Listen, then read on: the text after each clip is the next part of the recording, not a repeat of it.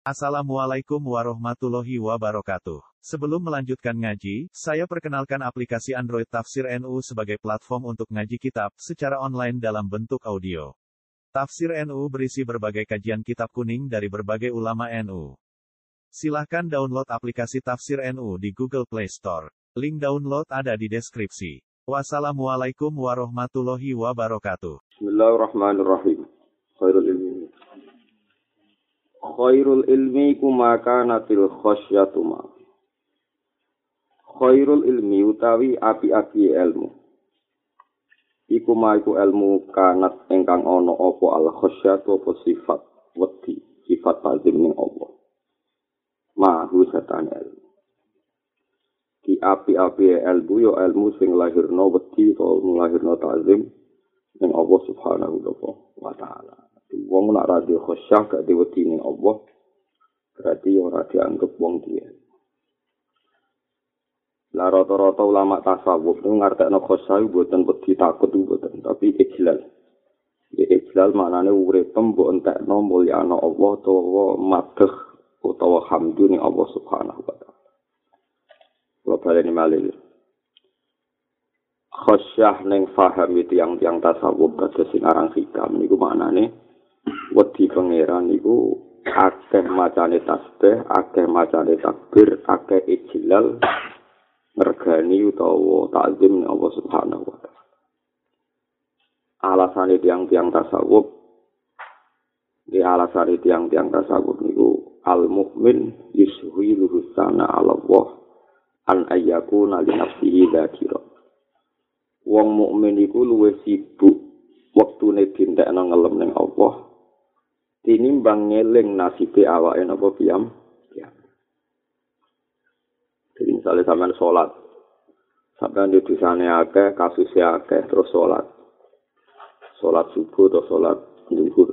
Mesti kan pertama Allahu Akbar. Ya subhanallah walhamdulillah. Allahu Akbar kabira walhamdulillah kathira wa subhanallah ibu krotau hasil Inni wajah dua jia lilladhi fataras samawati wal ardo halifa muslima wa ma'ana minal musyrikin. Allah maha besar. Puji bagi Allah cek rino cek wangi. Mereka nak sekali keling awam. Iku setan terus menang. Menangin ini. Gue ada wangi sholat ini ramus di nudu suarga. Bisa wae puluhan tahun sholat jebulin kau suhul. khotimah. Itu faham yang ditentang besar-besaran oleh para ahli tasawuf. Terutama wong tasawuf sing madhab syadiliyah. Orang-orang madhab syadiliyah termasuk sahibil hikam. Kesengarang hikam niku putu murid tapi Abu Hasan Asyadali. Jadi sengarang hikam niku Ibnu Athaillah dari murid Abdul Abbas Al-Marsi, Abdul Abbas murid Abdul Hasan Sidin Asyadali. Mereka sekali keeling nasib, mesti nyesal. Sari wangi wow akbar jebule gledek wong lebok aku ning neraka. Jadi gue tetap menyamankan diri sholat.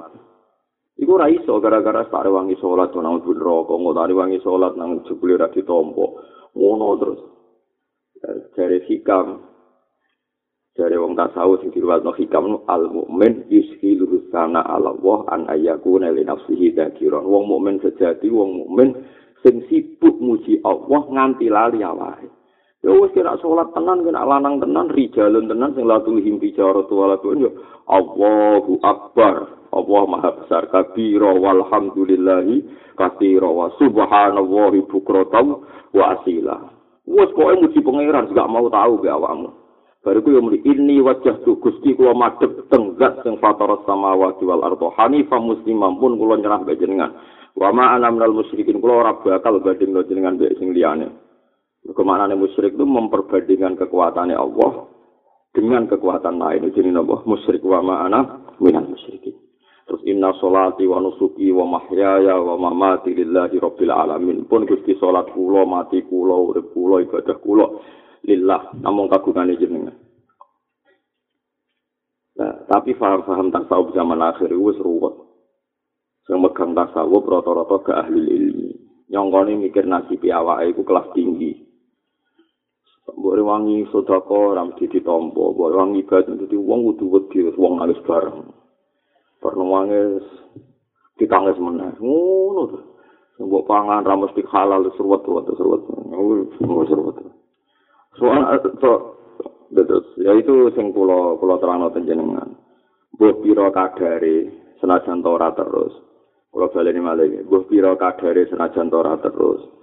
kowe kudu tau urip mau entek go muji pangeran lali nasib awak nah contoh kowe yang kadang-kadang ya mikir Gusti kula swarga pun neraka wis kadang-kadang ya tapi ku kudu 00, sekian Jadi kalau wajah ini kita ngapa uh, Imam Sarkawi ini ulama sing sering ngarang fikih. Ini kalau tenggini pinggir ya. Khairul ilmi makanatil khasyatu ma'ru ini sing teng pinggir. Wal khasyah al khaufu mal ijlal jenenge khasyah al khaufu mal ijlal jelas ya dadi ora khauf tok wal wal khasyah al khaufu mal ijlal wa qila hiya al ijlal ma ta'zim. Wa qila hiya al ijlal ma ta'zim. Ya wa qila hiya al ijlal ma ta'zim. Al ijlal mulyana Allah ma ta'zim mulyana Allah. Mergo sekali kowe dalam tasawuf dan mikir awak mesti ngeluh kowe salat Ya wala wau par Allah akbar kabira terus ngatimu mikir. Tak wangi ini ora pasti ditompo. Tak wangi ini kok nang suul. Jadi ini penting kalau aturakan tentang jenengan ben ora anut yang yang sing berlebihan nangis awake swarga dan neraka. Awakmu ora penting, mlebu swarga ora penting, mlebu neraka ora penting, mung padha ora penting. Padha-padha ora penting mlebu swarga wae, paham tapi yang jelas ora penting. Dileng-eleng al mukmin yushilu hutana ala Allah an ayaku nali nafsihi nabu. Ya wong mukmin sejati wong mukmin sing uripe sibuk go muji Allah nganti lali awake dhewe. Maksude cek awake dhewe swarga neraka ora dipikir. Sing penting asik ambek muji Allah subhanahu wa ta'ala. Iku mulane sing diarani khosyah kuwi. Khosyah iku napa wau?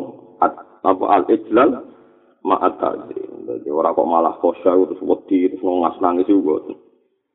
Ya dalam paham tasawuf. Jelas gini, kalau buat gawe-gawe, jadi sebagian ulama ngertikan khosya itu apa? Pertama darani al khawfu mal ijlal. Ya tetap mal ijlal. Kedua apa? Iya al ijlal ma'at Nah, itu sing di uh, sing difahami tiang-tiang tasawuf. Ya, terus kalau suwun jenengan nak sholat. Terus pokoknya asik kayak Allah akbar kabira walhamdulillahi kathira wa subhanallahi bukrotau mungkin amat fatihah ya sepede wae. Bismillahirrahmanirrahim. Utawi alhamdulillah rabbil alamin. Pangeran sapa? Arrahmanir rahim pangeran sapa? Maliki yau iki wis ngono iya kana kudu iya kana stai terus kowe donga donga ning kono ya mesti diluk tok sing akeh muji pangeran. Ihdinas siratal mustaqim mustaqim ukurane piye? Ya siratal ladzina an'amta alaihim dalane tiyang sing jenengan paringi nikmat. Nak kowe pancen takzim Allah pikiranem otoritas tertinggi teng jenengan Gusti. Ukuran tiang baik ya yang jenengan kasih nikmat. Ukuran orang jelek ya yang enggak jenengan kasih nikmat. Kowe ora terus mikir ya kula piyambak termasuk sing putih kuwi ora usah mikir ngono saya mlebu ke ndi ora roh ben ngono. Pokoke kowe nyifati nak ukuran nikmat adalah ukuran wong sing diparingi nikmat Jika kowe urip ku nyaman. Paham ya? Mana rata kula nu nabi susah kuwi isin. Mana kata ulama sing mau susah. Ora kok krana sombong boten. Isin mbek pengiran. Aku ditekdir urip, ditekdir nyekseni langit bumi, ditekdir mulang, ditekdir sholat subuh kok. Kok isih susah-susah apa? Wong aku diparingi hidayah, diparingi duwe, diparingi nikmat. Ya diparingi bojo, diparingi kanca, kurang apa? Wis sempurna. Paham ya, terus eling-eling ya. Jadi khosyah dalam makna tasawuf itu al-khawfu ma'al ijla. Walau wakilah, ya al-ijlal ma'al ta'zim. Nah, cara kalau setuju sing wakilah, ya al-ijlal ma'al ta'zim. Jadi kalau usah wedi-wedinan, al-ijlal ma'al ta'zim. Jadi anak-anak uripin tak ngumuji Allah. Dia bukro tau wasilah. Jadi Jadi kata setengah lafat-lafat sholat Allah akbar kabira walhamdulillahi kathira subhanallahi bukrotaw wasilah. Terus pokoknya tak gue mesti pengiran. Al ilmu ingkoronat hul khosyatu falaka wa illa fa'alika. Al ilmu te ilmu. Ingkoronat lamun barengi. Ingkoronat lamun barengi hu ing ilmu.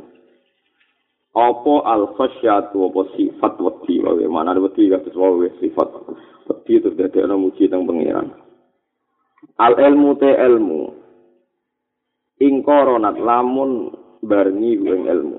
Apa al khasyatu apa sifat wedi? Ya wedi terus nglahirno takzim ning Allah nglahirno muji Allah. Ilmu sing dibarengi sifat wedi ning Allah terus muji pangeran. Ya fala kamu te ilmu manfaat kanggo kuwe falaka mongko ute ilmu iku manfaat kanggo kowe.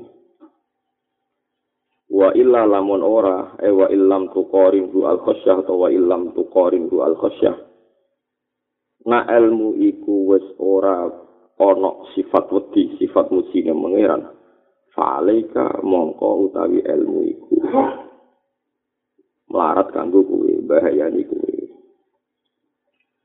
Jadi ilmu iku nak ndadekno kowe sopan ning pangeran, ya mau sopan maknane sangat terus takzim ning pangeran iku manfaat kanggo kowe. Nak ora ya mandorot kanggo. Jadi walhasil ngaten iki kula suwun tiyang niku misale maca Quran kan muji pangeran ya Ar-Rahmanu 'allamal Qur'an khalaqal insana 'allamahul ya ya kowe kudu seneng. Apa meneh misale surat Rahman ditutup ditutup tabaraka smu rabbika dzil jalali wal ikram. Allah maha besar, Allah maha agung. Dan aku mikir awakmu yang Allah maha besar ya Allah. Terus tetap ora muji pangeran. Ya Allah, kula lebokno swarga, dosa kula jiran sepuro. Jadi Allah ngajak muji pangeran, kowe amen mikir nasib awakmu. Terus kapan kowe sithik wae ning donya tau muji pangeran gak mikir nasib awakmu. Ana rata-rata wong nangis nangis kok tambah do pangeran. Abot. Karena kadang-kadang oleh. Kadang-kadang ya, kadang-kadang. kadang-kadang ya kadang-kadang cara kula persen ya 10 persen lah maksimal sekian ini ane ku seneng kul bi fadillah bi rahmati fa fi dzalika falyafrahu huwa khairum mimma yasma piye piye kuwi di zat sing apik sing lomo Kemang samu wiridane Sayyidina Ali terus istighfar terus woten Sayyidina Ali wong lu nak wiridan ngeten. Itu yang dikutip semua ulama toriko. Rabbi kafabi fakhron antaku nali robban wa kafani izan an aku nalaka afdan. Gusti kula pun bangga, tak bangga kula teng donya. Mergo duwe pangeran kondang kaya jenengan. Kula tak bangga kula, pira-pira dadi kawulane jenengan. Kaya apa inane kula dadi kawulane wong padha menusane, padha bedua eh padha doi. Diberikan saya dini ali kula kafali kafali fakhran antaku nali rabban wa kafani aizan an aku nalakan apa abdan iku masyhur Dimpun Gusti kula teng donya ku sentek bangga kula bangga banget mergo sing dadi pangeran jeneng Dan kula yo izan wis mulya banget mergo kula dadi kawulane. Dadi dadi bangga. Yo kita yo menungso kadang yo mikir, kula lah kadang-kadang selintas yo mikir. aku mlebu swarga dan neraka ya kadang-kadang kula mikir. Tapi anggere tak eling-eling mlebu neraka ora sing nentokno ra aku. Mergo aku dhaif sing nentokno Allah. Allah sing kuat zat sing ra kena tak lawan zat sing ngatur aku. Akhirnya terus larut muji pangeran fahuwa al mudabbir fahuwa al fatir fahuwa al qawi fahuwa sing ala kulli syai'in qadir. Tak akhirnya lali awake dhewe. Eling-eling dadi sing jenenge mukmin yushilu sana ala Allah an ayaku nali nafsihi zakiron wong mukmin wis uripe dintekno muji Allah nganti ora mikir awake dhewe swarga dan neraka sono wong darani ngene iki jenenge makom fana fana itu lali awake Tane riyen ana wong rontok wali, berwali tenan bu, ora ditakono Pak Hamid Pasuruan. Mbah Jang niku wali napa mboten? Cara lahir ya wong soleh, tapi berdua lho, Mbah. Hamid jawaban iku wong rusak. sing penggemar bingung mergo Muhammad komentar iku wong apa? Rusak. Tapi nek sing wong-wong padha kelas paham kok makom tertinggi wong sing disebut fana. Fana iku napa rusak rusak manane lali sangka awake dhewe mergo urip entek muji Allah tapi wong terjemah fana iku ora mana napa rusak. Ane kita arani wong rusak, Pak. Nggih, iku berarti dhuwur. Ora dhuwur banget. Jadi kapan-kapan kalau nak ngomentari jeneng oh wong rusak ya. Berarti wasyaallah hebat mergo wah. Wis napa? Wis rusak. Lah sebule rusak rosokan itu. Wah, ramung tuh wis. Jadi rusak kodang ngono apa? al mukmin yushil husana Allah an ayyakuna li nafsihi zakiron wong mukmin wong sing sibuk muji pangeran sampai lali nasib iki. Wes sambayangno sampean aku penisen we pangeran contoh gampang ku mangan. Kena mangan sate sing mbok senengi utawa mangan sate kelatak wae sing mbok senengi lah. Tak mangan pizza sing mbok senengi.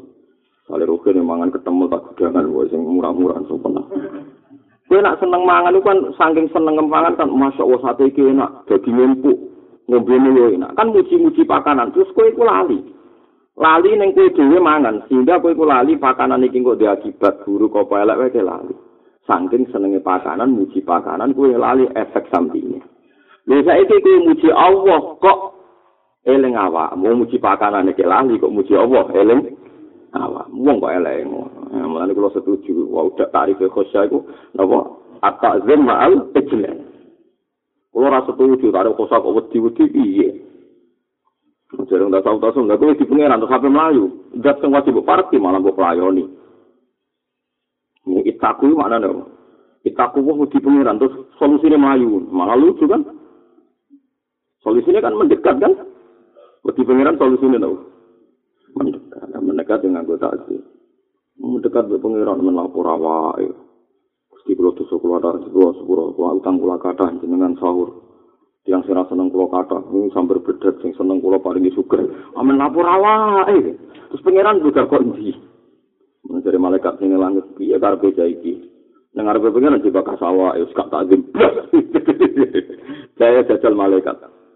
Falladzina inda rabbika yusabbihuna lahu bil-laili wan nahar. Wong sing pinggire Allah yaiku para malaikat uripe entek digo muji pangeran yusabbihuna lahu bil udwi wal asal. Yusabbihu lahu bukrata wa asya tinta waktu muji pangeran tok. Ora ana malaikat sing mikir nasib awake. Iku hebat tenan. Dadi eling-eling iku kula suwun mbuh pira kadare, mbuh pira menite kowe iku tau muji pangeran tanpa tercampur hadun nafsi. Ora kudu terus. Kula baleni malih. Jadi mulane kula niku napas ngopi, napa pas seneng niku suwun. Misale pas gitu anak kok pas seneng kula seneng. Kula anggap wali kula para kula pangeran yo pas niku. Piye pas kula happy ning alam kerajaannya Allah Subhanahu wa taala. Pas ke happy, misalnya gue happy beda anak, atau pas ke happy marung, gue lingo sing seneng terus muji pangeran. Timbang kowe istighfar terus ngeluh mikir nasabam dhewe sing berlebihan iku ora apik.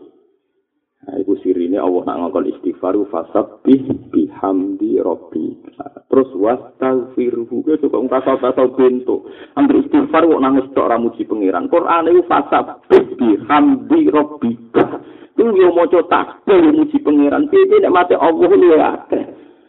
Kowe dosa diparingi kon tobat, kowe yo dosa Allah janji nyepuro. Nek mati Allah luwe akeh. Bahkan saat kita dosa dipanggil dong balik-balik. Yang ngono kok mang istighfar tok ora ono mujine. Lan istighfar paling gede, paling apik yo ono mujine fasabi bihamdi rabbika lagi wastaghfirhu. Lah wong tasawuf iku mau istighfar tok ambek nangis. Tapi kayak sing nyalahno iku wong saleh, mbok salahno kok arep. Tapi aku lama butuh komentar. Tapi coba gue dalil. Kalau gak ngene adu-adu gue blok kok Bang Gus. Lah tapi aku nak ngomong gue keliru ajaran itu parah.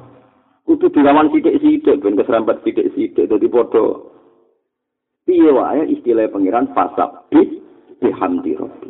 Muji. Ya Allah kula dosa kok tesih jenengan celuk kan balik teng jenengan. Si api jenengan. Kula dosa jenengan paringi urip. jenengan kasih kesempatan kula tobat. Cek api e jenengan? Ora kok istighfar. Astagfirullah Gusti. Iku ya opo kula nak bun rokok lori dari malaikat di diri musuh rokok suka lori. Iku keliru. Jadi kabeh lafat istighfar itu dibarengi lafat tasbih dan tahmid. Bibi nikmati Allah ini langkung kata. Mana disebut alladzina yahmiluna al-arsya wa man hawlahu yusabbihuna bihamdi rabbihim. Mereka muji pangeran dan maca tasbih wa yu'minu rabbi lagi wa yastaghfiruna lilladzina aman tetep ana macane tasbih ana macane tahmid lagi istighfar paham ya? Tapi coba terus dimilikan bapak melo aliran tasawuf sing kelas tinggi terus wiridan astagfirullah ya gue ya ada wong stres ya paham ya? Ya semoga ngono. Tapi tak pastikan ora ana istighfar sing mandi kaya istighfar wong sing tetep ijlal, tetep takzim, tetep nyaman ning Allah Subhanahu wa taala. Iki disebut Allahumma anta rabbi la ilaha illa anta iku mesti pengiran kan? Nggih. Khalaqtani wa ana abduka wa ana la ajika wa ajika mas taqatu. A'udzu bika min syarri ma sanatu. Iki dawuh Nabi Sayyidul Istighfar. Abu ulaka bi ni'matika alayya. Gusti kula sowan jenengan nggih beto pinten-pinten nikmat jenengan. Tetep kudu fair. Meskipun wa abu bidan. Di kula wis wanjiran beto dosa. Soal dosa gampang kok Gusti firli fa innahu la yaghfiru dzunuba illa anta. Ojo menangis tok, dadi misalnya bumi-bumi istighfar, ya Allah nek mati jenengan cek kathah teng kula. Kula wau salat, kula wau sedekah, kula wau nafkah teng bojo. Kula jenengan paringi anak, kula diharapan masa depan. Gusti cek kata ini mati jenengan. Cek nek mati jenengan sing kata pulau kok terus itu sobek jenengan astagfirullah. Terus eling eling nek mati meneh. Fatkuru ala Allah ila alakum tuflihun. Wong kon eling eling nek mati Allah taala. Saiki aliran ngeten iki mun minim. Mergo tiyang ora seneng ngaji.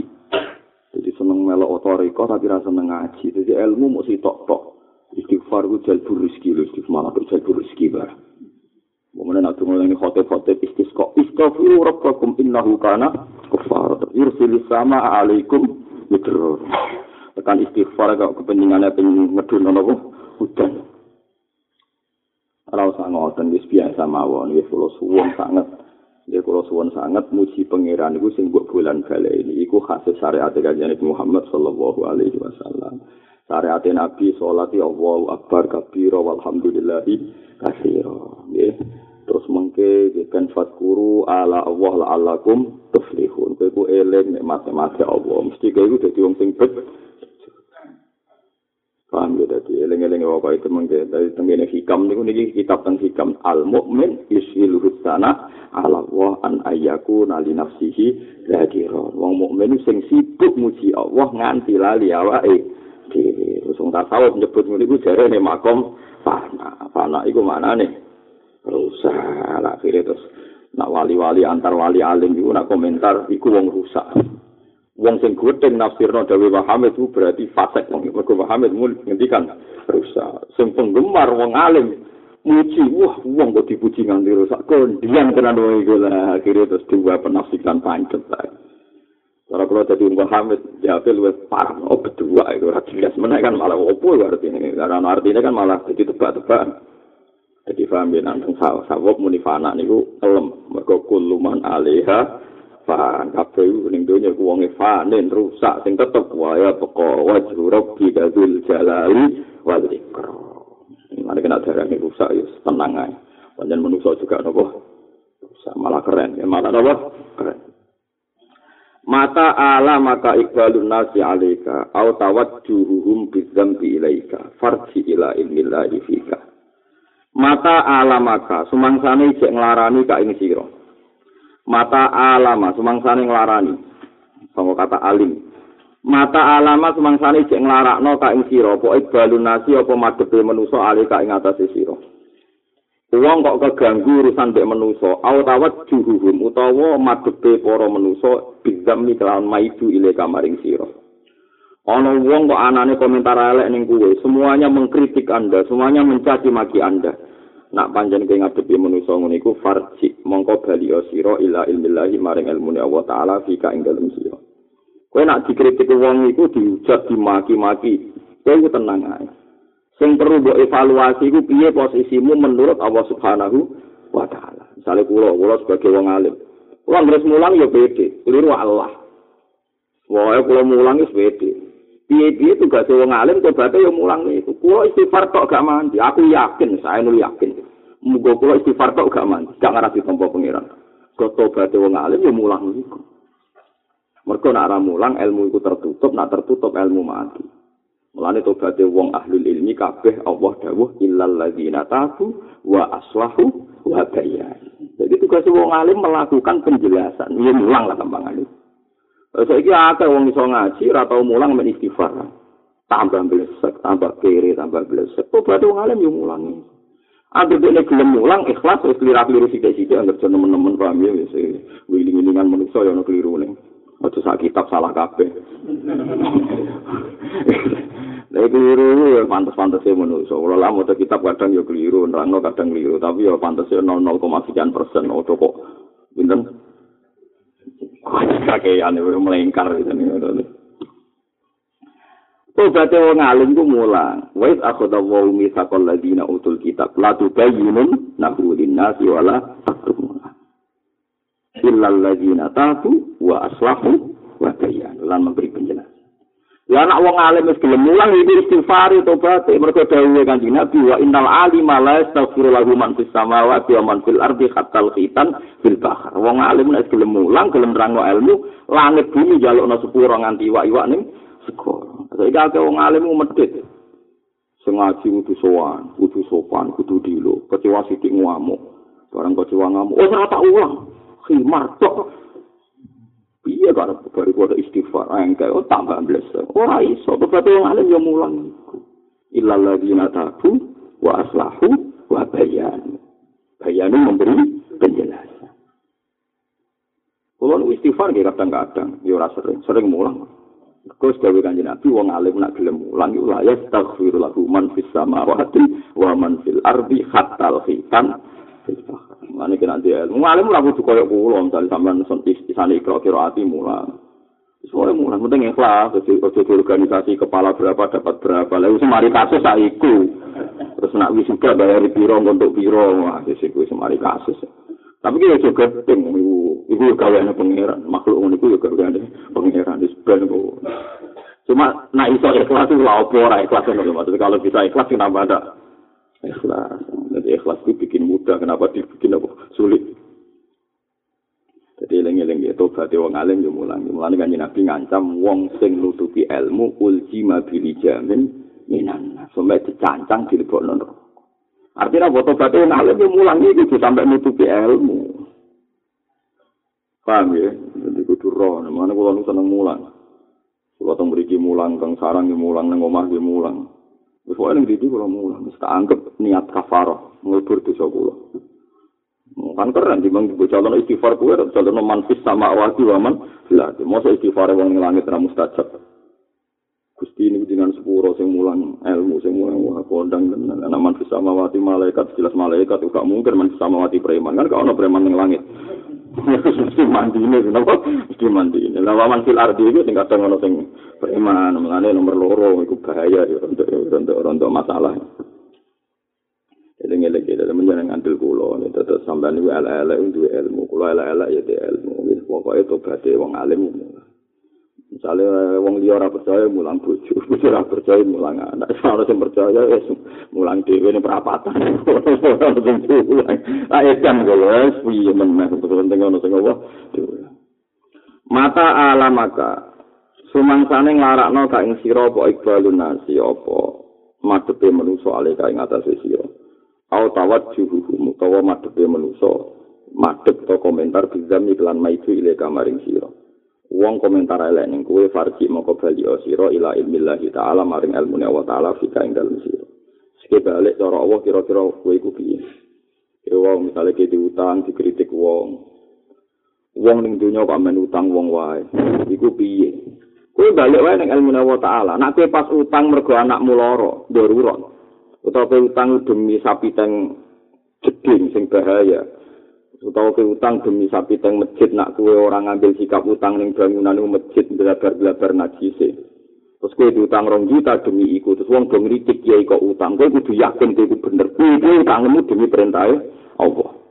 Paham gitu tapi nak kue utang nang demi jajan ning KFC utang demi tuku pulsa utang kok demi selera selera awak kok enak kabeh mugo mlaku-mlaku nu seger terus utang wong mugo mlaku-mlaku. Wah bar iki dikritik wong iku kudu sadar salah. Piye awale utang iku salah. Nah kok terus terus dhewe. Misalnya ke sewenang rondo, kono sewenang, kono kepengen dinekah, kono kepengen nekah, mereka lebih zino. Terus wong kemritik, dia tenang aja, gusti. Dia nekah perintah jenengan, itu menang aja, keritik wong, dia tenang aja. Jadi suatu saat ngeritik ya, kita sebut senengi lah itu baik repot semuanya pikiran pikiran yang Islam itu sederhana ini kamu perintah pangeran ya wes kritik Allah nggak kode belum itu saya katakan oke Utang dia ngoten.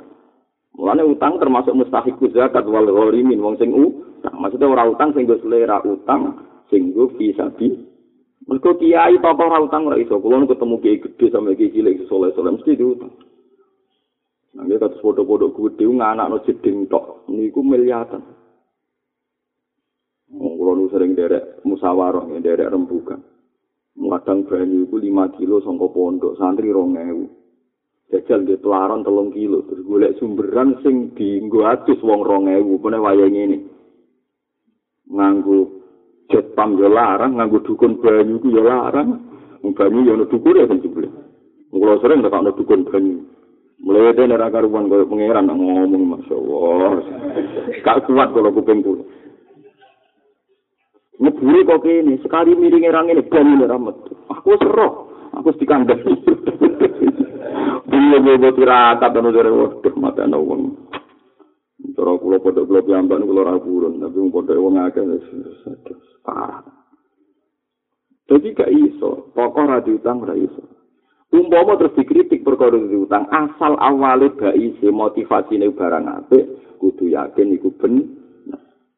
Begitu juga misalnya ono toko milih imami masjid, ya apa asal motivasi ini apa, jaga masjid ya.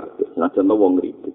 Begitu juga sing pilihane toko mau imami, asal motivasi ini apa, ben ora konflik saiki ono sing ngalah, iki toko nak jejeran mari bentesan ya apa. Mana ono toko diganjar perkara ngurusi masjid ana sing digajar perkara ora ngurusi masjid. Muga sing ora ngurusi hakikate ngurusi. Kalau nak ngurusi mari gesekan gesekan mari tukar tukaran. Tapi nak mungkin tunggal ora usah gesekan mungkin. Gesekan ambek angin paham ya? Tapi nak dualitas gesekan. Akhirnya Allah ngergani padha niate apik padha diganjar Nah, tapi nak perkara mutung perkara mutung sama melo-melo tapi nak ono barang salah dikeploki lho cah elek iku berarti paham cah elek iki ne paham ya. Jadi pangeran pirsa sing elek di sing apik. Paham berarti kowe nanti keputusan kudu yakin. La khairu fi katsirin min najwahum illa man amara bi sadaqatin aw ma'rufin aw islahin bainan. Kulon sering disuani guru-guru ngoten niku Gus sirine napa jenengan kok jarang purun ngimami teng mriki teng mriki tak omong. Ngimami ku ya ape. Tapi aku itu ora GR tapi dianggap toko. Ning dinggon anggere ana dualitas kepemimpinan rawan gesek. Gelas iku bentesan mergo jejer. Nara jejer bentesan mbek sapa? Temenan wong alim kudu gawe jarak, cek mbek masjid, mbek madrasah, mbek organisasi kudu gawe jarak. Piye awale bentesan iku perkara jejer. Lah iku nak niate ngono tenan sing mimpin jadi ganjar, sing menghindar jadi ganjar. Padha padha niate au islahun tenan. Nah, kata Sayyidina Hasan bin Ali niku yo ora seneng mimpin. Dene sadar nak mimpin jadi rival Muawiyah. Nah rival Muawiyah engko benturan terus kaya zaman Abai rupane Sayyidina Ali. Akhirnya Sayyid Hasan diangkat derajatnya sak dur-dure mbek pangeran perkara ini dari mimpi. Paham ya? Mereka nak mimpin marahi gesekan itu sing kula tiru model saya Hasan mulane kula niku rapati rapati maju. Tapi ra maju ne krana ora payu aja. Lha iku parah nang niku. Ora niku mbok niku ora roh mesti ganjar ora. Mesti panjen nyatane mboten napa payu. Tapi diganjar perkara rido be ora ne. Paham ya? Terus dhuwur meneh. Perkara ne makome makom rido lha iku ya dhuwur meneh. Di pendek dhuwur meneh. Muga-muga ngono ae. Paham ya? Terus wong sing ambisi mimpin madrasah yo ape piye-piye nglakokno agamane Allah. Tapi nek ana tokoh maju kira-kira gawe gesekan apike mundur. Niru Sayyid Hasan. Yen niru sinten? Sayyid Hasan. Sayyid Hasan itu boten melok mikir. Dene di depan 30 ribu orang pidato mengatakan bahwa pemerintahan ini milik Muawiyah. Mereka beliau sadar nak dene sing mimpin utawa ngrasa pemimpin mesti ana rivalitas baina Muawiyah wa bainal Hasan. Filsafatnya gampang, gelas itu benturan, benturan itu nak cek. Caranya lah benturan tuh, ya cek.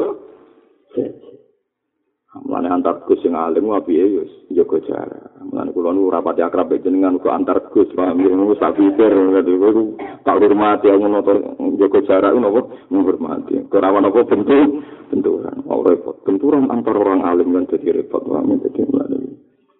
Paham iku pintere agama kabeh kono ilmu. Mulane Nabi Khidir nabi sing ora tau mimpin. Ya semuanya ono nabi kan nabi Khidir, gak tahu mimpin mau mulang tok. Kalau mau mimpin ya benturan, orang tahu ketemu Nabi Musa, ketemu pisan, wah geger tukaran. Lalu nak ketemu terus di masjid malah geger kan? Orang tahu ketemu, ketemu pisan wes wes geger. Lan tak angen-angen dan pangeran apik tenan iki kok ono figur dua figur sing beda tradisi ketemu pisan wis geger. Lha bayangno misalnya Nabi Khidir mimpin Nabi Musa mimpin terus kene penggemar Musa, fan Musa sing tok fan Khidir. Wah, terus konser bareng itu penggemar akan dia. Waktu mimpin toreko akan dipengaruhi. Wah, Nabi juga antem ngono. Akhirnya foto-foto noto-noto aja. Tapi itu keluar keluar neng segoro semua kalah aku lima tas Nabi Musa mungkin bani ya bareng ini sumpah konsultasi konsultasi bari gue bisa meneh Lama kecelakaan ini, itu rai suanu dan muku, ora levelnya jadi nabi itu. Kalau itu tradisi. Lah ya kowe nak misalnya ngambil sikap gak mimpin organisasi, perkara yang dari konflik. Terus kowe terbukti apik ya iku lakon. La khaira fi katsirin min najwahum illa man amara bi sadaqatin aw ma'rufin aw islahin bainan. Islah itu paling gampang adalah sing potensi konflik menghindar. Lah sing potensi konflik misalnya ini masjid madrasah tentu sing rawan di tokoh. No. Karena sing rawan kan sing sisa jadi penderek kan orang arah konflik kan. Sing rawan konflik sing rawan di tokoh. Lah mulane wong sing rawan di tokoh no yo kudu iso nganggo. Lah nek rawan di tokoh no yo semangat ae mergo wong ora ngarah dadekno kuwe tokoh. Paham gitu jadi mulai kudu roh ngono jadi kalau nggak seneng gua seneng banget di masjid kalau nggak seneng banget di madrasah nggak seneng banget di NU di Muhammadiyah. Organisasi gede kalau seneng kabeh. Coba takon nang BMT aku coba takon no senengane kok takon piye-piye nak organisasi wis tuwa niku ngamali wis akeh. Ya cocok ra cocok kowe dingergani organisasi sing wis suwi mesti ngamale mun napa kata. Ya to ngiri ini ya rukun ya biasa. Ya iki wae to Eling-eling itu terus wa la khairu fi katsirin min najwahum illa man amara bi sadaqatin aw ma'rufin aw islahin. Dan aku utang yakin krono iku terus dikritik wong ya ora apa-apa. Piye Allah membenarkan. Ya Allah membenarkan. Semua mau ning bab suka kowe kiai tuku mobil. Mobil anyar misalnya. Niatimu aku nak di mobil kok panitia pengajian bingung nyilah-nyilah. Aku nak di mobil kok santriku bingung pikiran roh kiai ini iku. Bingung berarti kita tuku mobil demi ngenakno umat akeh gak mikir kue ya diganjar punya tapi nak niatan gue gagah-gagahan kiai ran pak mobil gak dirgani uang zaman akhir kedua berarti gue paham ngono to kono barang ngomong ana apa wae jadi farji mongko balyo sira ila ilmillahi maring ilmune Allah fika ing dalam sira. Wis ke delok hukume Allah ning kowe posisimu iki Fa ingkala mongko lamun ana posaan iku layak nak uga iku ora nrimakno ka ing sira apa ilmu apa ilmu Allah taala. Yo nak cara Allah aku mesti bener ya, cuma aku jenenge manusa, nak disawang manusa ku piye? Nak kowe ora trimo mbek ilmu Allah taala tok, fa musibah buka mongko te musibah sira di adami kona atika. Kelawan ora anane nampa sira di ilmu lan ilmu Allah taala iku asad dulu banget. min musibah tika dibanding musibah sira diwujudil. Ada kelawan anane piloro minggu saking anas nah ana wong ora cukup. Ambil ilmu Allah Ta'ala. Mergo dikomentari wong iki atine loro berarti wong iku untuk musibah paling gede. Yaitu ora iso nampa cukup ambil ilmu Allah Subhanahu wa Ta'ala. Iku salah elek Mana kalau suwon jenengan sing suwon nang be anak bucu, wis paling enak mimpin anak bucu. Wong sepakat nak pantese pemimpine kuwe, anak yo sepakat bapake kuwe. Tapi nak mimpin wong liya wis kadang-kadang toreko liya dipimpin toreko liya yo ora trimo. Wong jenenge Satoria yo geger ben Aksabandia, Tijania yo geger. Riyen ana kerusuhan ning Surabaya tahun 36 nopo pinten. Perkara penggemar Satoria niku di demo mbek penggemar toreko liya. Kejari Satoria itu tokoh paling top imam nopo. Hadiri sisi tok yo ora paling top ku imam iki geger. Dan akhirnya NU damel keputusan nono toreko nopo mu tabaro akhirnya satoria termasuk mutabaro tijanya gurian itu gue karena berbeda toreko. Geger. Lah itu roh ngono paham ya? Ngono itu repot. Akhirnya wong alim alim rata-rata itu rapati rata toreko.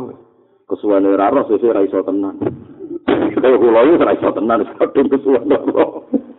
Iki kula iki Nah, bapak kula itu sangat-sangat sadilia ya, karena tapi sadilia perilakunya ya, ya memang ini buat nanti cara kula kula paling mulai cilik paling ya, dikenal lah di Imam Sadili ini. Tapi kula dijenakno Bahauddin kok ya, seneng kalian Naksabandia. Ya nggak apa-apa. Ya. Nah, kita kita kudu percaya betul rekon Naksabandia, Qadariyah, nopo Sadilia kudu percaya kudu. Tapi nama masalahnya nak wis pemimpin mesti gesekan. Jadi api enak ulama ana mursyid wis rapati awor, muga nak awor gesekan. Kok penggemar kondang dia, kok kondang-kondangan malah repot ya saiki padha hormate, nggih padha hormate. Cuma nggih kadang ulama kudu tetap ngomong, misalnya ajaran istighfar kok ulama kudu ngelingno sayyidul istighfar kok ana kata-kata abu ulaka binikmatika alayya. Ning Quran yo ana fasabbi bihamdi rabbika lagi wastaghfir. Kok nak ana mujine pangeran kek sombong wong kok eling salah tok ora eling nikmat sing diparingno. Oh. Paham ya dadi kudu roh ngono. Fa in kana la yaknauka ilmu fa musibatuka bi adami kona atika bi ilmi asyaddu min musibatika bi wujudil adamin. Terus ini dawuh hikam male innama ajral adza ala aidihim kaila takuna sakinan ilaihim niki apik tenan Innama ajru ang mesti nglakokno sapa Allah taala al ada ing piloro ala aidi ngatasi tangan-tangane manusa. Kowe dadi kiai men dirasani tanggamu wae. Kowe dadi wong lanang amen dikritik bojomu wae. Wong sekelilingmu dalalah senani ngritik kowe nyalai kowe. Dewe hikam anggape positif. Kela takuna supaya ora ana sira iku sakinan wong sing anteng, sing tenang, sing condong ilahi maring manusa. Lan kena toko-toko ngritik ya Allah sik pinter jenengan. Ben kula ora menjagongan lali wiridan dadi tangga-tangga ora seneng kula. Akhire kula rapati kakean jago jagongan terus eling jenengan alhamdulillah. Ya bicara hikam, kenapa Allah menjalankan kritik pada mereka terhadap Anda dan kue ora anteng bersama mereka. Aku bayang misalnya kabeh kiai disenengi wong sak desa. Dasar kiai ini tau mondok seneng jagungan ini jagungan. Diundang A teko, diundang B teko, dikai mangan yang A teko, dikai bin teko, bar glegeen kabeh. Mungkin mungkin ya, ya rokok antrian, ya rokok an, bariku kuyon. Ya men jagungan naik. Tapi baru kayak tonggo rasa seneng rang undang gue. Ya rasa mikir, ono aku rasa diundang. Malah penak terus ning omah eling pikiran. Penak Gusti, eling jenengan. Jadi dari hikam nak ono wong diri loro wong liya anggap baik dan kowe ora tenang bersama mereka terus balik Allah Subhanahu taala. Oh, malah dianalisis, rasa seneng mbek aku faktore opo? Terus jangan mangan suwengi ono opo? Salahku opo? Lu wong ora ora salah malah tompok tok. Malah penak ono wae wong nak jeneng wong sampe malah? Penak ngono.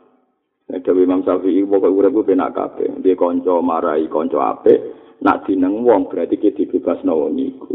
Mergo wong nak rasa seneng kowe ora bakal utang kowe, ora bakal nyenek mobil kowe. Wong jenenge ora seneng. Jadi waman asa ilaika faqad atlaqaka. Wong sing eleki kuwe berarti bebasno kuwe. Kowe ketemu wong sing seneng kuwe, kan gak kuatir diutang. Malah bahaya ketemu sing seneng ada apa ini kan malah repot kan. Hmm, jadi suwi dawe hikam de innama ajral ada ala aidihim kaila takuna sakinan ilaihi. Aroda ngersakno sapa wa taala ayus bijaka yen to ngagetno sapa wa taala ka ing sira angkul disein saking saben-saben perkara. Allah kepengen kowe kaget ambek perkara liyane Allah. Terkaget-kaget sehingga Anda menghindari. Hatta la isilaka sehingga ora nyibukno ka ing sira anggo saking Allah apa seun perkara. Apa seun perkara. Jadi sampai nanti kecewa terus akhirnya kira sibuk sangka perkara iku ngalah no Allah Subhanahu Nah, cara kiai kancane bapak nerangno hikam niku kudu kuwi. Pancen kiai ini uraan. Kancane bapak ono sing lucu kados bapak nerang ilmu iki. Sampeyan kok rukun kok bojo terus ora kok bertahajud kelam suwengi. Baru kali bojomu ngamuk ngantuk mau dikeloni kalau pikiran tahajud ya iku apik. Enak yang merantau kok tak bayang merantau. Dene yang tak iku Kowe kok rukun mbek bojo ya men kelon ae, turu jagongan, turu kelon bariku turu bareng. Wes pengiran ra keduman. Baru kae lagi, no. Sebentar, terus astagfirullah terus saya seling pengiran gusti nasib semoco gak usah jajan bagus. Lah kamu itu bagus, malah bagus. Weh, tak mau kamu enak. Sing kok nak wayahe cocok kelon ya ibadah, kok ora kelon perkara terus mojok tahajud. Ibadah. Jadi keduanya bagus. Oh, tapi nyatane tenan jadi yakin ya, asal menungso nek tangga rukun kabeh menjagungan, bojo rukun nyamen kelon. Wis ora keduman pangeran tak jamin ora keduman. Tapi baru kaya kecewa ambek wong, akhirnya balik nang apa? Pangeran. Wis jadi penak dari hikam mbek napa sebut ini istilah Aroda ayus ijaka angkuli sein. Kau digawe kaget dan hatta laisila ka anggu sein. Nanti ke akhirnya rasibuk urusan be perkara ngalawan urusan be napa penge. Iza alim ta anna seton. Iza alim ta anna seton la yakfulu angka. Fala takful anta amman nasiyatuka biadi.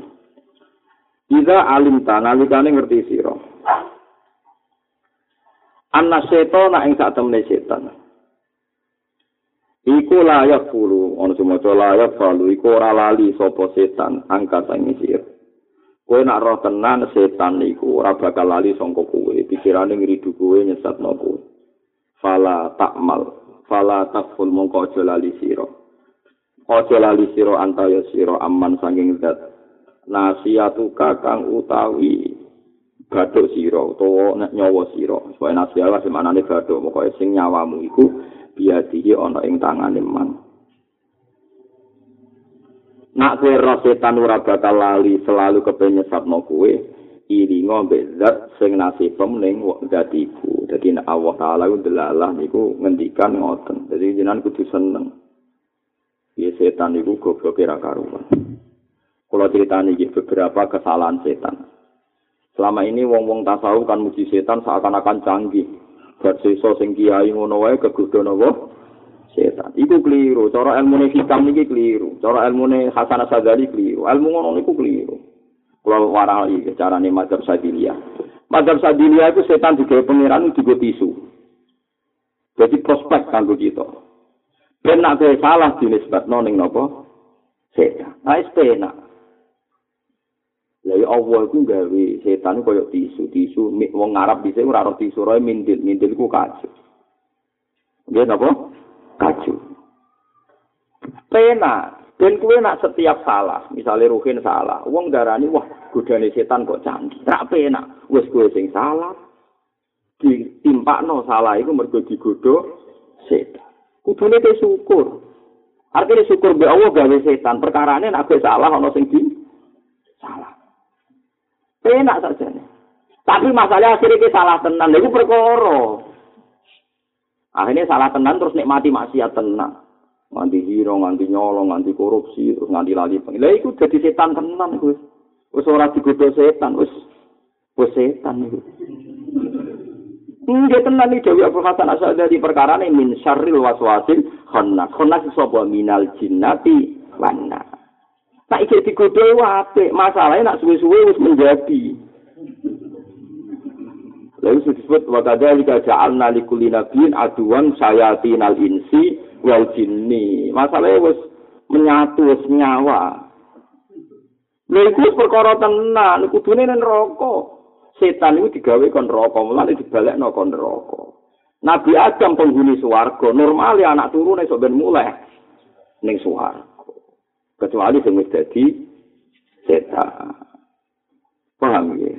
Mulane dawe hikam. Setan iku sapa? Niku kula waca beberapa sarah sampean roh. Jadi ini kalau wajah ini. Kalau saya di Abu Abbas ini penting tenan. Wah sama nanti kulo mawon. Sampai sampai alim tak dua kulo lagi oleh ranut. Saya sementara anut. Ya nganti beberapa tahun ke depan anut. Nganti sampai yakin alime dak dhuwure kula. Niku sowan terus mun Gus mun bar nih. Makome takut mun apa? Bar. Enggak apa-apa fair. Kula nggih bilang alhamdulillah. Gak ngebot ngebot mun kepanggih kala Sayyidi Abdul Abbas Al-Marzini. Mun kepanggih sing wonten titik ini. Abdul Abbas ini gurune Abdul Atau Ilah napa?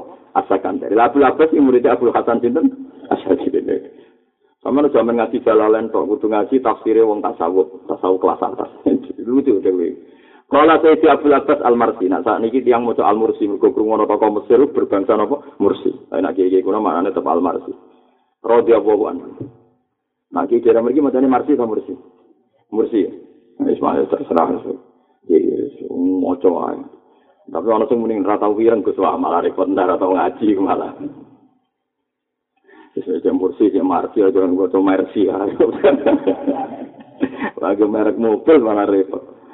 radhiyallahu anhu fi qouli ta'ala inna syaitana lakum aduun fattakhidhuhu. Aduh jadi rumah nggih kula terangno riyen mungkin nek kula waca. Niku kan jelas dhewe Allah setan iku musuh. Mulane anggap musuh. Jadi setan iku musuh mulane dadekno musuh. Itu nak cara tasawuf oleh memahami ngene. Lha iya setan iku musuh Ya setan iku bedulak ngono wae musuh. Ya Allah itu kekasih. Maknane nak setan iku musuh ning kidul kowe ngalor, mergo ning iku ana Allah. Dadi kowe awor Allah. Wong pacaran kok ambek setan, ya pacaran ku ambek Allah. Ya mau ngono to. Ora kok setan itu musuh terus kowe gawe benteng diri seakan-akan setan hebat. Terus membentengi diri sedemikian rupa dan lagi serang setan. Lu setan itu sopo kok boleh wangi nganti ngono. Wong setan itu yo kinake ke setan iki ana napa? Doifa. Wong setan itu wong lemah, makhluk sing lemah kok boleh wangi ngono. Maknane ngene lho, setan itu musuh, mulane aja mbok pacar, mbok coba jak teman dekat. Yo ngono to. Kowe berteman dekatlah, bergabunglah dengan Allah Subhanahu wa taala. Kok malah buat arta setan itu kondang gue membentengi diri. Mulanya dari Abu Hasan Asadali kok aneh oleh memahami Quran. Jadi surah kasil dari Abu Hasan Asadali ketemu fakir perkara. Kalau dene setan itu musuh. Mana nih sudah deno kekasih. Kekasih itu ya Allah Subhanahu wa taala. Jadi kemana ini loh setan itu sanggup ya kok iki ono gelas racun iki gelas susu. Terus aku ngomong ini jong iku racun no jombe Apa ke dia pager kuat? Ben racune ra kesini, wong racune ya ora aktif. Ya manane aja ombe ngono. Jawi. Paham sing kula maksud. Ah nek udah mengke kula terusno ya. Inna setan sak temne setan aku maring sira kabeh ku aduan musuh. Mulane fatakhiduhu mongko ngalapno sira ku ing setan aduan ya dadi musuh ing dadi musuh. Niki Dewi Abdul Abbas Al-Marsi ngikayano Dewi Abdul Hasan napa Asyadili. Sak kaum mongko utawi ana kaum fahimu kang mahami sapa kaum min hadal khitabi saking ikilah khitab. Annahum sak temne kaum umiru dan perintah sapa kaum bi adawati setani kelawan musuhi setan. Akhirnya orang yang memahami bahwa setan harus dilawan. Fasagolahu mongko nyibukno hum ing kaum podari kamu kono kono adawatu setan. Fasagolat hum mongko nyibukno hum ing kaum apa dari kamu kono kono adawatu setan. An mahabbatil habibi saking pacaran kok seneng be Allah. Jadi saking sibuke musuhan mbek setan awalah tibarno, mergo sibuk musuhan mbek setan. Jadi awalah tibarno. Mulane jare ulu piye kok malah sibuk tukaran tali aku. Lah kok piye nak jare mulai cara-cara Jadi sibuk nglawan setan nganti lali kekasih, kekasih. Wes. Lah kok menanono kaum fahimu kang mahami sapa kaum. Anda mindali kasa yang mengkono-mengkono kita, boleh mahami ini. Anas setan sak temne setan aku maring sira kabeh wa aduun musuh. Dawe apa setan ku musuh. Eh wa ana lakum habibun. Eh wa ana uta ingsun aku maring sira kabeh habibun iku kasih. Mulane fastahilu mongko sibuk sira kabeh bi mahabbati lan seneng Allah. Utawa fastahilu mongko sibuk sapa kaum bi mahabbati lan seneng Allah. Jadi ayat iku maknane ngene, setan iku musuh. Nah aku kekasih. Mulane ora aku wae. Paham ya? Setan itu musuh, nah aku kekasih, awal aku wae. Paham ya? Inna setan lakum adun. Ayo wa ana lakum habib. Dawe Allah aku iku kekasih, mulanya fastagolu bimahab tadi. Fakafa mongko nyukupi sapa Allah taala gum ing para kekasih min duni sanging arahe setan. Berhubung kowe gabung be Allah, setan ora duwe po. Tadi kita wakola Abu Hazim radhiyallahu anhu. Wa manis setan hatta yuhaba. Wa man iku sapa setan utawa setan hatta yuhaba sing diwedeni sapa setan. Setan iku sapa nganti kok wong padha wedi setan. Wong setan yo inake setan iki ana napa? Wa wa demi Allah lakot uti. Teman-teman tahu ditaati sapa setan. Fa manafa ayra manfaati. Walakot usia setan itu didurakani, fama daro, ya ora iso maringi madarot. Nek kula cocok kowe mantap iki. Setan ku yo Cara setan gak kira eh wong salat ditekeki kabeh ben ora ana wong salat. Nyatane aku salat yo ora piye-piye. Berarti setan ku yo ndok tenan. Nak setan iku kondang kudu salat tekeki bentek wong ra salat. Wong ngaji tekeki kabeh ben ana wong nyatane aku ora bali nglawan setan ora apa-apa. Ya lama aku tak. Nak ngajeni setan sampe ngono. Eh wong kaji aja ora mati to, wong salat ora mati kan kudune setan nak kepengin memupuskan wong ra salat kan. Tekeki kabeh karek wong ra salat. Wong ning omah sing ra zina tekeki kabeh ben karek sing zina. Nyatane kadang sing goblok malah mati. Berarti setan kan rugi kan? Ini kawan saya mati kok saya tidak bisa mempertahankan. setan yo goblok ora karuan. Nek ini pancen seneng wong soleh, eh seneng wong fasik, kudu wong fasik dikembang biakno, sing soleh ditekeki mati. Nyatane wong soleh udah urip. Hebat Abu. Setan iku sapa kok bukas bakat. Kowe nurut ora manfaat, mbok lawan ora madar. Wah, kon iki makom kelas tinggi, mulane wong pasau kelas kelas tinggi ku ora tau. Wedi setan ora tau. Kondang tenan. Wakola ba'duhum dari asetonu min diru hadi hidbar setan iku kadune ikilah omah. Yakni yang sahubi adzarun nasab. Allah iku ngusap ambek setan songko jejemberi senesbat wa yau tay adzarun nasab nisbatu syurur wa anwaul ma'asi wal fasad ilaihi setan itu dinggo kambing hitam. Ben kowe nak salah, ora kowe siji salah, to tapi mergo digodhog setan nak penak.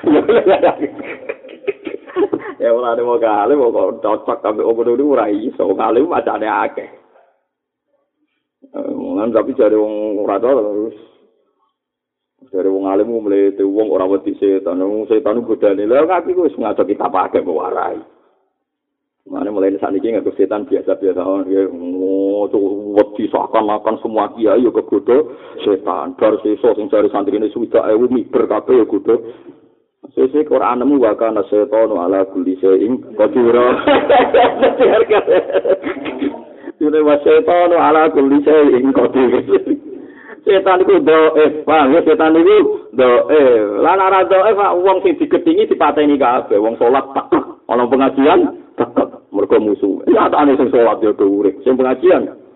Wani kok anggap buat salat duhur. Oh, jebule setan mata ini. Jebule mulai ketemu kedua apa. Tapi men ulama itu bener tenan nak mikir. Jadi inna syaitana lakum aduun tafsirannya eh wa ana lakum habib. Setan itu musuh. Aku kekasihmu. Mulane ke marek aku. Ojo marek Iya mau ngono ora kok terus setan hebat kok bentengi sedemikian rupa seakan-akan makhluk sing luar biasa. Malah gak gede. Nah, kecuali ke gede setan terus suwi-suwi afiliasi, suwi-suwi ana penyerapan macam-macam terus menjelma. Wah, itu minal jinnati wana sesa wa kadzalika ja'alna likulli nabiyyin apa aduwan sayati nal insi wal jinni. Lah kersane Allah iku kowe setan iki beda sehingga Allah nganggep kowe manusa sing setan. Setan. Allah mbelo manusa mergo bani. Tapi masalahnya bani Adam wis tuluh dadi setan. Iku perkara naudzubillah min ya naudzubillah min syaitonir rajim Gusti kula nyuwun reksa sampai dadi setan. Keserempet sithik ra apa-apa pokoke dadi napa setan. Wah, yo repot. Nah, dadi setan napa? Repot. Ini dereng dong. yakin dereng ya? Yakin, yakin, yakin, yakin dereng. Hebat tenan. Wis dhewe dhewe niku lakot uti apa mana fa walakot usia fama. Terus setan didurakani ora apa-apa. Lho nggih to. Wong salat iki durakani setan ora? Wong ngaji durakani setan ta ora? Do mati to? Wo tenjo do urip. Malah permisi kok sak kemangan. Permangan glegek batine setan. Cara sono ketek Nyatane ora iso. Cemen setan ngono. Tapi kalau nanti loh itu ketemu setan. Kabeh ulama mesti tahu ketemu setan. Kalau mau nanti tidak. Tapi fragmen balik ini agus pisan. Gue khas-khasan ulama tahu ketemu nopo setan. Wah, kondang dan setan. Hmm. Wong lu wireng wis kira fragmen ketemu malah kalah malah repot. Jadi kulo niku nanti ngalami satu kasus niku badhe film niku alamatnya kok koyo apa ketemu setan pun panik. Apa panik ilmu kulo itu? Kulo kan mau kita mulai alit artinya umur walulah sangolah tahun pun nanti sinau. Ya tapi tidak sefaham sekarang. Gitu. Cara, cara lebih paham sekarang ketimbang dulu. Jika sampean kan wis paham saiki dibanggi sik, dhisik kan roh. Padha lah sini iki padha, padha. Akhirnya kalau badhe dilem mau ayat kursi. Bariku muji pangeran. Sing ala kuli saya engkau Allah, masa aku wedi setan. Kaya ora percaya perlindungannya Allah. Niku cep niku lesan kula ditutup ditutup niku ora iso ngafat napa padha. Mate nang iki setan tenan iki wae mate nang. Tapi hati kula tetep ngoten, kul wa wa ahad kula iki eling maca surat kul Gusti kula tetep nyifati sing kuwasa jenengan. Misale niki kula mati ya balik teng jenengan, balik balik teng setan. Sing kada nyawa kula ya jenengan boten setan. Misale kula mati sing balik kula sing jenengan. Tambah ditekek kula. Tambah. Sing akhire kula terus Ya terus kula tetep nyifati Allah. Insyaallah ala kulli shay'in qadir. Kula boten mungkin nyifati setan ala kulli shay'in. Setan kuat mateni kula. Sing mateni kula ge jenengan. Akhirnya kula bengok, wis aku mati lah tetep yakin sing mateni ku Allah ora setan. Dicok, dicul. Ya terus selamat, terus urip nganti saat ini. Enggak artinya gini, ini yang perlu Anda ketahui. Orang-orang dekat Allah itu selalu mengatakan Allah yuhi wa yuhi. Karena mulai dulu itu selalu ada mitos bahwa orang-orang soleh mati itu karena melawan setan. Setan itu bisa berhala, bisa klenik, bisa sihir macam-macam. kaum Nabi Hud, nak ngendikan Nabi Hud piye? Inna qulu illa taroka ba'du alihatina bisu. Kita pasti komentar, kowe iku nganti tok musibah mergo kualat ngomentari setan. Jawab Nabi Hud, qala inni usidu wa wasyadu anni bari'u mimma tusyrikuna min duni. Uripku mau nyekseni Allah, mau mati mati ya yakin sing mateni Allah. Ora iso aku yakin nak dipateni setan. Mulane jogeman kowe yakin, oh, kadang ngono kiai disantet wetenge mlempung. Santri ini yakin kena santet, bareng mati jare ya kena santet itu rugi. Wes kalah yakin dipateni santet. Kudune kira kena santet, wes aku buat santet lah, tetep yakin sing mateni Allah sampai weteng loro sithik-sithik tapi tetep muni ngono. Ben matimu keren, tetep iman yuhi wa. Mulane jare Nabi Ibrahim ketika diteror, "Dim nak mbok terus ngono kowe kualat mbek pangeranku." Dawe Nabi Ibrahim sebuti, Kul atu hajuni fillah seperti itu. Wala akhafu ma tusyriku nabihi illa ayyasa Allah. Ini seperti sanad illa ayyasa Allah nama. Seperti ini dibalani mulai ngarep. Wa kaifa akhafu ma asyraktum wala takhafuna annakum asyraktum billahi malam yunazil bi sultana alim sultana. Jadi aku kok wedi kowe iku piye? Bukan wedi kowe ora iso. Paham ya? Umpama aku kena musibah mergo kuwe, keyakinanku iki ya krana kersane Allah. Nggih, krana kersane napa? Allah. Jadi paham ya? Jadi itu perasaannya para nabi. Jadi misalnya kue kok di godo setan atau santet atau sihir. Wes ketok ning ngarep ana santet ana sihir. Kowe kudu muni innalillah wa inna ilaihi raji'un. Nak aku mati ya kersane Allah, nak urip ya kersane napa? Allah. Paham ya? Terus niki penting napa wong kudu yakin nak kabeh urip mati iku kersane Umpama ana kejadian sing cara lahir nglibatno aktivitas setan, ya dawuh kok Nabi Ibrahim illa ayyasa rabbi saya. Iku ya kabeh kersane apa? Mulai dari Ibrahim wate fa akhafu ma asraktum wa la takhafuna annakum asraktum billah. Ya aku kok bukan wedi mbek setan iku piye? Perkarane setan ku mitrane pangeran utawa lawane pangeran. Kok penak aku bukan wedi setan? Wong ora wedi Allah. Wong sing kuasa tenan ning langit Allah iki ora wedi kok malah aku bukan wedi. Kadang-kadang wong saleh iku keliru nemen. Setan ra wedi Allah, lho kok wedi setan. Mulane wate fa akhafu ma asraktum wa la takhafuna annakum asraktum billah. Paham ya? Paham ya? Terus akhirnya Nabi Ibrahim didawai pengiran sesuai fa'ayul fariko ini bil amni. Sopo yang pantas sentoso, pantas selamat. Sing gabung Allah apa sing gabung setan. Mestinya sing pantas selamat sing gabung. Fa'ayul fariko ini ahakku bil amni. Mohon saat ini yakin ya, setan sepele yakin nakai ke setan ikana daifa. Sekutu ya. Kenyataannya orang sukses setan. Lha mau sukses ra gak ono isang nganti saiki, ora ono saleh, nyatane saleh tambah akeh. Duwe do tambah akeh. Sing melarat yo tetep saleh. Yo mau nyerempet-nyerempet ora apa-apa kadal fakru ayaku aku ora nak kadal meh ngono wae. Meh kuwi ora kena. Lah sing repot sing kena tenan iku. Wong nabi kepingin mau nyerempet. Kowe napa? Kena. Kadal maknane ora meh-meh kan iki. Meh-meh meh-meh kuwi ora kena. Aja kok nganti napa? Kena.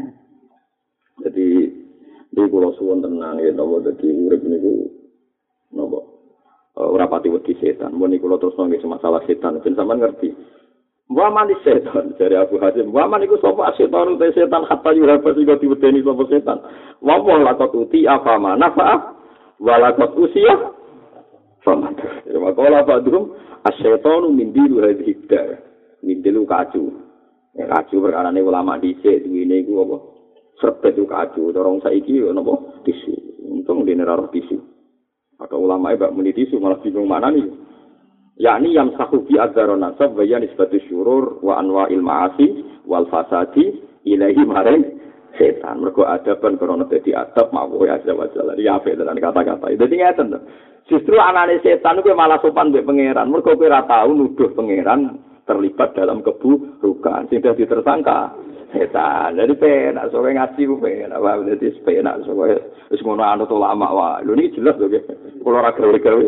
Kalau rian tiap ngaji nerang noni kita, tapi kan orang tahu tak wajah. Saya ini bentuk yakin, nak kalau ini kitab tenan. Kudu yakin sampai ono berita ilmu tak dulurku. Nah, niku, niku. Ora apa-apa, kalau siap, siap, siap sekali. Tak entah ini kan kabarin, wah. Mau kapan ya? Jadi, pokoknya tante ini lah kan suwi kan, misalnya umur rata-rata suwita kan jangan waktu rong puluh tahun untuk berkompetisi. Enggak nama? Berkompetisi. Masih ada waktu banyak.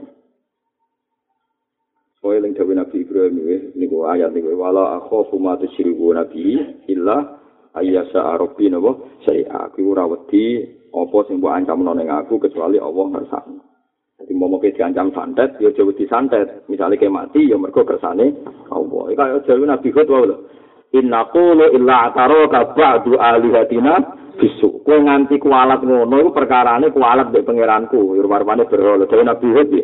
Kala ini ushidu. Wah, urutku tak entek. No langit bumi, nasibku mau ini ushidu. Wah, waswetu anni bari ummimma tusriku namin dunih.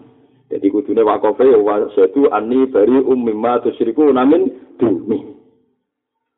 Dari Nabi Hud, aku rohku urip iku pangeran, aku mati ya pangeran, urip ya pangeran, mati ya pangeran, aku ora roh liyane pangeran. Dadi ora ono critane kok kualat ambek setan. Wani. Mane kula niku anyaran kiai ini niki tahadus bin nikmat anyaran kiai dikandani gus-gus sing rondok-rondok latihan kiai. kena ngiayu di wacan-wacanan kok kadang latihan ngiayu dijajal ngene ngene kadang ana wong nyantet aku tau pidato iku terus somong mergo disantet pun kulo mboten sombong jawaban kulo kulo sepurane Gus kulo niku isin maca donga tolak santet ketoke ora pantes sak kula mandi kena santet tapi ini semua aku ora krono sombong Yes, pokoknya ngono perkara ini atiku lah. Aku yakin kalau di setan di Quran pura was setan ala kulli shay'in qadir. Emah aku tetap. Lu tenang, kalau ini nate ngalami dijajal, jadi dalu-dalu jimelek kalau berwudu. Wong abang-abang nopo lah, orang wong liya jelas yakin santet. Terus lagi dijajal. Nak wedi kok kowe ora para pangeran ra wedi Akhirnya kamu tuh ya Allah. Kita nggak pantas kalau kalah.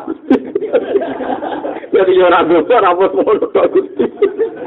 Kita orang pantas kalah. Kumpulan kabulan jenengan. Sandat itu kabulan. Jadi yang salah dia. Langsung hilang. Terus pas saya baru peristiwa itu, kalau tambah yakin, nak tore aku bener. Jadi kalau lu lagi nggak kerap dongo ngono ngono gue izin lu bangsa tolak santai tuh lu izin. Ya krono sombong. Iya ngono ae semoga ngono. Wong kula ya sepeksa kaya jenengan nggih jenengan ya ora tak peksa kanthi kula paham nggih wis pokoke lan amal malah kudu paham kalau kudu mas. Perkara niku kula niku nggih mau. Kula niku boten krono percaya sikam tok boten. Mang Qur'ane ngoten. Nah aku ngalami peristiwa itu ini ushidu woha. Napa ini ushidu woha wasyadu anni bari umimma tusriku namun duni. paham ya cara Nabi Ibrahim saya napa wala akhafu ma tusyriku nabi illa ayyasha rabbi saya aku ora bakal wedi mek santai sampai tenung mek pangeran umpama tenan ana musibah keyakinanku ya illa ayyasha rabbi saya cara saya masya Allah kana wa malam biasa lang ya Ayo masalah dijajal sih kaget tenan. Sebenarnya yang menurut kaget. Pak mata wong. Aku ora tau donga muga-muga ora nela ya kepen menang meneh dadi soalé walhasil wis kaya ora apa-apa. Dadi justru anane setan kowe sopan mbek pangeran. Perkarane setan ngilangi tisu sing ngilangi akdarun nasab. Mereka nak rano setan berarti kena start elek ning Allah. Gara-gara rano setan iki kan jadi korban. Pos setan ora terus ingkung tenang ae. Dene dituduh kan ya tenang ae dene. Ora lapor ning gone MKD kan. tenang ae dene. Ya ora lapor ning Polda pencemaran nama apa? Baik. Yo ora wis gede yo. Api tenan di kitab yo kondang tenan jene mulane hikam darani kitab sing makom dhuwur tenan. Iki dadi wong kok pinter nganti ngono kondang tenan. Ya mergo hikam iku pinter mergo barokah murid putune Abdul Hasan apa? Asyadi. Mulane masyhur. Dari Imam Saroni ndak ada makalah Abdul Hasan Asyadili sebanyak yang diriwayatkan Ibnu Athaillah asalkan dari mereka Abdul Hasan saat ini ngarang kitab ini paham ya? Di makalah dinukil muridnya Abdul Abbas Al Marsi terus Abdul Abbas dinukil Sinten Ibnu Athaillah asalkan dari jadi sing aran hikam putu muridnya Abdul Hasan apa Asyadili lah makore ke Sadiliyah ya hikam niku jadi kan aku pengen mau cara pandang Sadiliyah ya hikam niku termasuk cara pandang terhadap setan ya terhadap apa setan jadi mulai saiki kowe kudu rubah mindset Anda dalam melihat apa setan. Nah, jadi kena pergi kuda setan, wah berketemu tisu, berketemu apa? Tisu. Lilu habitat. Kondang kerana ikan. Terus, wahai kau tahu itu siru ijadi. Iku rahasia kena apa setan diwujud no. Perkara ini tiga apa? Tiga apa? Tisu. Ya kok detail kama kala ta'ala wa ma ansani ila syaiton atkura. Nabi Musa rak tau lali. Wong janjian ketemu Nabi Khidir, jebule. lali berhubung ana setan kurbane ah mari lali gara-gara kok pinter sekarang iki yo entuk wis dalile maksudnya yo nabi Musa kan lali malah lali dari lali sarapane apa lah kan dari ceritane kan Musa mlaku-mlaku mbek Yusa bin Nun goto sarapan sarapane ku iwak Nabi Musa yo lucu tenan nabi mereka kan ngamuk jadi akhirnya lucu deh kan Dewi Allah Ta'ala kan dia kepen ketemu Nabi Khidir. Dewi Allah ini loh, sanak ketemu Nabi Khidir, itu gawa iwak. Iwak mati, sing disebut goreng, terus ada miktal. Cara mungkin apa? Sangkingan, apa? Teng ya? Kepe, pokoknya, pokoknya sih juga mangan kok kepe. Aku boleh iwak, sing juga ada sarapan pun. Apa? Rantang, ya. Paham sih? Lah terus sepundi Gusti, lah yo titenane ngene sana, iwak sing wis mati ku kok urip, berarti teng ngono Nabi itu. Dasar Nabi Musa kan aman ngamuk ya perkara ini. Buarang wis ngliwati sokroh wau, ngliwati kawasan sing mesti ini ketemu Nabi Khidir. Mau aku kesel keliwatan, tak kok Yusa. So aku lesu, apa mangan? Kan lucu wong perjanjian iwa iku digo pengetesan kawasan Nabi Khidir kok bareng lesu pikirane wis dipangan. Piye Nabi Musa ya? Parah kan? Ya, tapi orang-orang mangan iku iwak mau gue alamat nak ketemu Nabi itu. Tapi pikirannya pertama itu perkara ini mangan deh. Paham? Mulane dek ngendikan aku iku wis kesel, saiki wae mangan. Paham ya? Barang kita terus ya saya yo cah dalem itu ngendikan cah dalem yo tenan jelas ngono iku. Masya Allah, lali ya Nabi Allah, ya Allah menuju negeri kau. Nabi Musa terus, oh dasar setan, gara-gara setan aku lali. Wa ansani itu illa setan. Ya umpama ora ana setan terus nyarano sapa? Ngono lho maksude. Lah mulane setan digawe ku berkah, ora sing digo salah, salah. Ngono Cari hikam Kulo ora melok-melok Oke ya. Oh, mulane orang ulama ora usah dadi mubalek, mergo ilmu ngene sensitif, paham ya? Ulama wis tetep dadi napa? Ulama wis mulang ning pojok ngono ae wis mulang. Ora usah ditolak al-badru alaina terbang ini malah repot.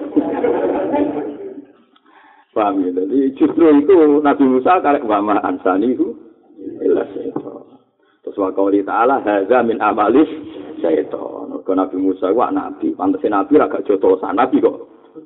Barang jotosan dia menang, jadi jotos mati. Mereka wong dik, dia hadza min amali. Itu cara ora ana setan. Ngomong piye? Ya kok ana ilmu. Parah, parah itu kok sampean ora usah ukur. Iki ilmu rahasia atau rahasia ora kok ana kitab. Kok repot. Paham ya? Wa amma anna lahu dawe murid Abu Hasan Asyadiyah. Wa amma ana ana pun saat temne iku kedue setan haulan ana kekuatan wa kuatan nanti iso ana kedijayaan. Ya guru kang iso bahayani sapa setan dia kelan kuah. Au yang pau to iso manfaati sapa setan pala mongko ora. pala mongko ora. Atek setan mbok anggap di kekuatan sing iso manfaati pala mongko ora. Mergo setan yo makhluk sing do. Paham? Paham jelas ya. Wa amma anna lahu haulan wa kuwatan ya guru fi ayan pak pala mongko ora. Mergo setan ya makhluk. Yo alam ikola kesulitan